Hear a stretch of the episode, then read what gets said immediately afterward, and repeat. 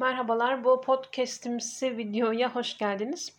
Zaten videonun başlığından da anlamışsınızdır. Ben yakınlarda bir tiroid ameliyatı geçirdim. Ee, ve bu süreci hani belki benim durumumda olanlar daha doğrusu ameliyat daha olmamış olanlar benim durumumda olup ama ameliyat olmamış olanlar vardır. Böyle deneyimlerini paylaşan insanların videolarını izliyorlardır. Biraz kafalarını bir şeyler netleşsin diye ki ben de onlardan biriydim yakın zamana kadar. Ee, hem bu konu hakkında bilgi vereyim hem bir astrolog olarak bu süreci nasıl baktım bu sürece. Spiritüel açıdan nasıl düşündüm, astroloji, astroloji açısından nasıl düşündüm bununla alakalı e, bir böyle podcast'imsi video gibi bir şey böyle e, hazırlayıp paylaşmak istedim. Bunu böyle sırf ses kaydı olarak paylaşıyorum. E, çünkü hala iyileşme sürecindeyim. Boğazımda çok ince bile olsa bir hala ameliyat izi, ameliyat yarası var. Hani kabuk aslında ama hani ne olur ne olmaz belki e, bazılarınızı etkiler diye e, görüntü koymak istemedim. Hani paylaşmak istemedim bu şekilde bir videoyu. Çünkü şu anda o bölge çok böyle fularla falan kapatabileceğim durumda değil. İstemiyorum henüz öyle fularla kapatmayı. E, video çeksem blurlama işlemini yapabilir miyim ondan emin olamadım. Yabancıyım bu tür işleri. Hani size düşünerek sırf böyle ses kaydı olsun, podcast gibi olsun diye ses kaydı aldım. E, şimdi başlayalım. İlk başta bu teşhis nasıl konuldu, neler yaşadım. Daha sonra da spiritüel kısımlarına geliriz zaten. Ben e, şanslıyım çünkü bu yani daha çok e, küçük bir alandayken tespit edildi ve müdahale edildi. E, şöyle e, benim zaten türetlerim kontrol altındaydı. Farklı sebeplerden dolayı zaten doktorlara gidip geliyordum. E, ve o doktorlar da eksik olmasınlar. Annemin bir guatr geçmişi olduğu için benim de türetlerime de özen gösteriyorlardı. Onların işte ara ara ultrasonları çekiliyordu. Her kontrolde mutlaka hormonlarım kontrol ediliyordu, tiroid hormonlarım. Ve bu yaşıma kadar yani 26 yaşıma kadar tiroidlerim ve ben düzgün bir şekilde ilerledik. Tiroidlerim gayet iyiydi. E, hormonlarım, tiroid hormonlarım gayet iyiydi. E, ama sonrasında tiroidlerimde bir sağ ve sol loblarında da birer tane böyle bir santimden küçük e, kitle tespit edildi. Ama hormon düzeylerim bu yıla kadar yine iyiydi. Sadece bu yıl e, artık hipotiroidi e, seviyesine geldi hormonların ve artık ilaç kullanmam gerekti. İlaç kullan kullanıyorum hayli hazırda şu anda tiroid alıyorum.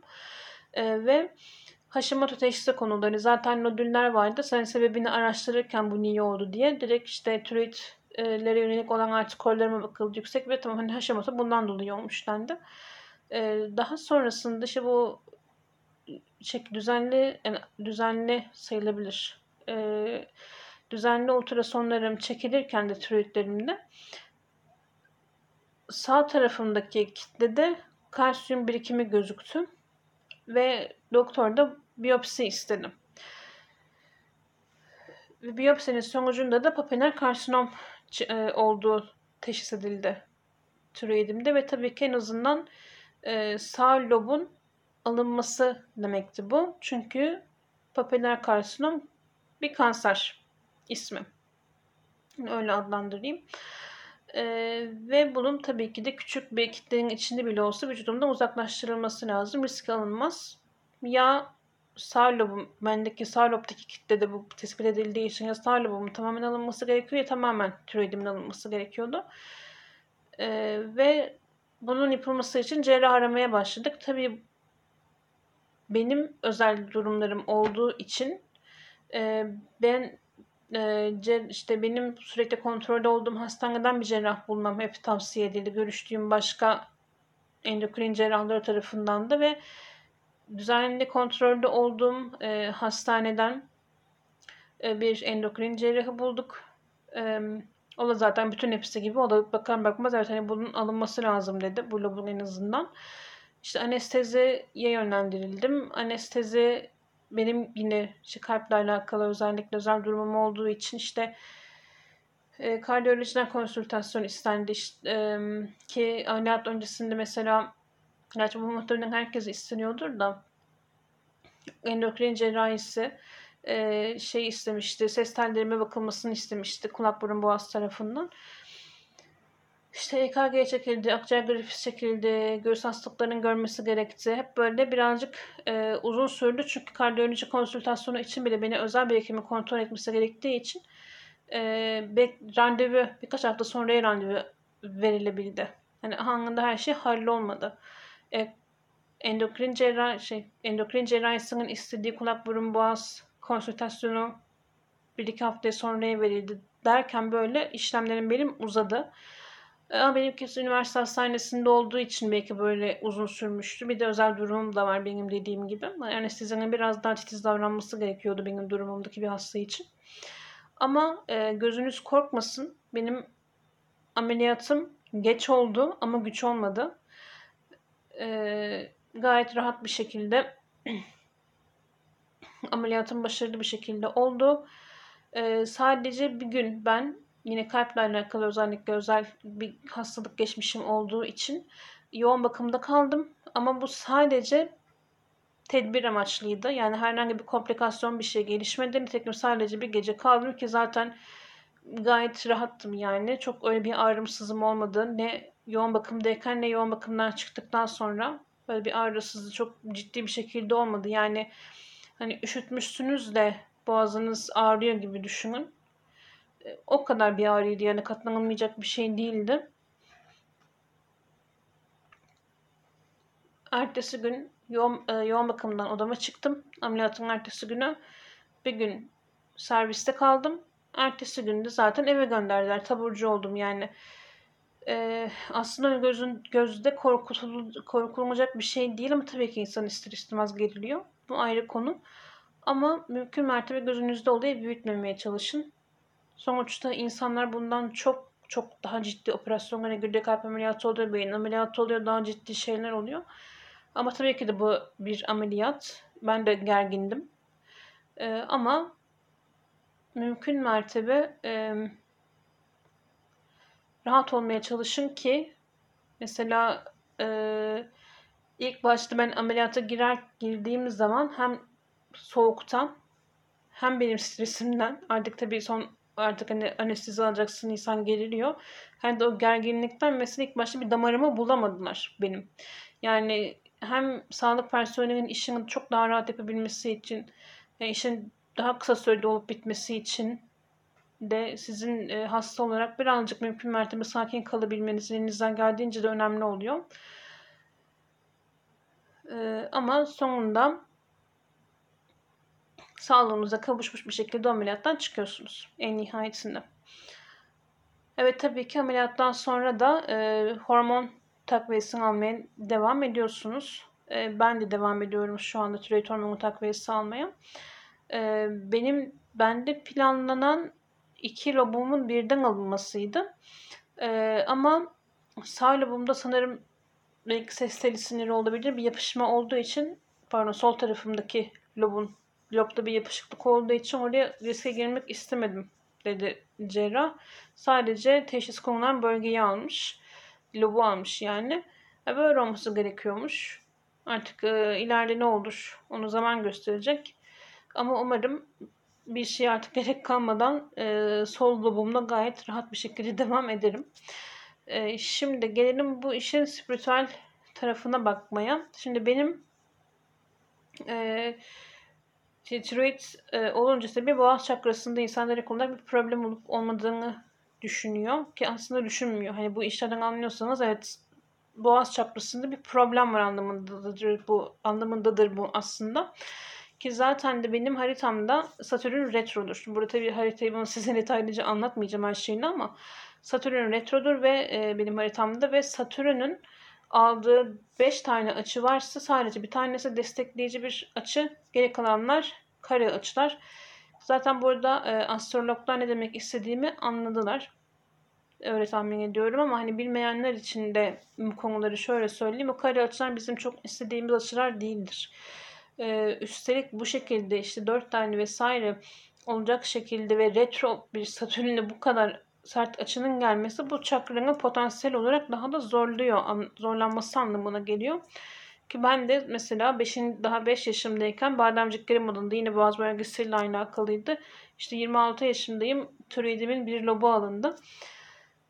Ee, ama tabii bu 5 yaşımdan 26 yaşıma kadar olan ki bu e, 21 yıllık süreçte ben e, ara ara farkında olmadan boğaz çakramı dengeleyici işler yapmışım zaten. Onu düşününce onu fark ettim. E, mesela çocukken ben okula başladıktan sonrasında işte tiyatrolar olsun, şarkı söylemek olsun, oratoryumlarda görev almak olsun çok fazla sesimi gür bir şekilde tam potansiyeliyle kullanmam gereken işler yaptım. He, astroloji eğitimi almaya başladıktan sonrasında da özellikle bu işin içine eğitimin çakralarla alakalı olan kısmına geldiğim zamansa hani evet boğaz çakramında bir şey olduğunu biliyordum. Ki zaten nitekim e, aklıma gelen her şeyi pat pat pat söyleyebilen bir insan hiçbir zaman olmadım.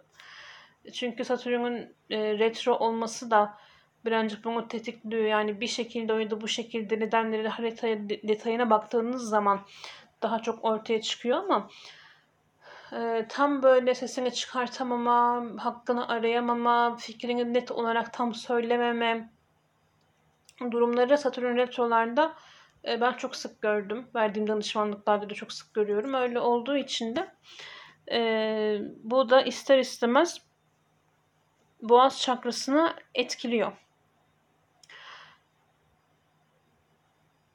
Ama işte ben dediğim gibi çocuklukta okula başladığım dönemlerde e,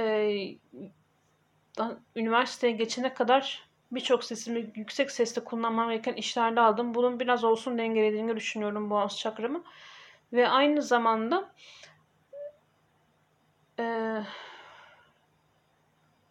astroloji eğitimi almaya başladıktan e, sonra da en azından pandemi sürecine kadar işte safir taşı kullanmak olsun, akvamerin olsun, şan eğitimi almak olsun yine bu sefer bilinçli olarak boğaz çakramı çalıştırmaya başladım ama e, işte yaşanan bazı olaylardan e, sonra demek ki çok fazla böyle boğaz çakramı e, dengeleyememişim ki e, böyle bir şey olmuş.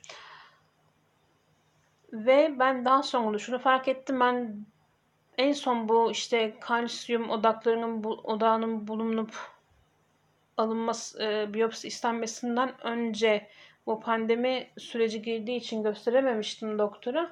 Benim aslında bu kalsiyum birikintisi çok daha öncesinde varmış. Zaten onu fark ettim kendim raporlara baktığım zaman.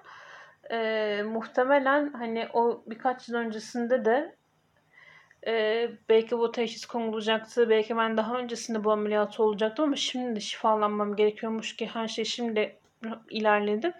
Ben bunu da şuna bağlıyorum. E, ben şu an şu anda özellikle e, haritama haritamdaki görünen potansiyellere yönelik hareket ediyorum. Yaptığım yani bu astrologluk dışında yaptığım iş, eğitimini aldığım iş olsun. daha benim.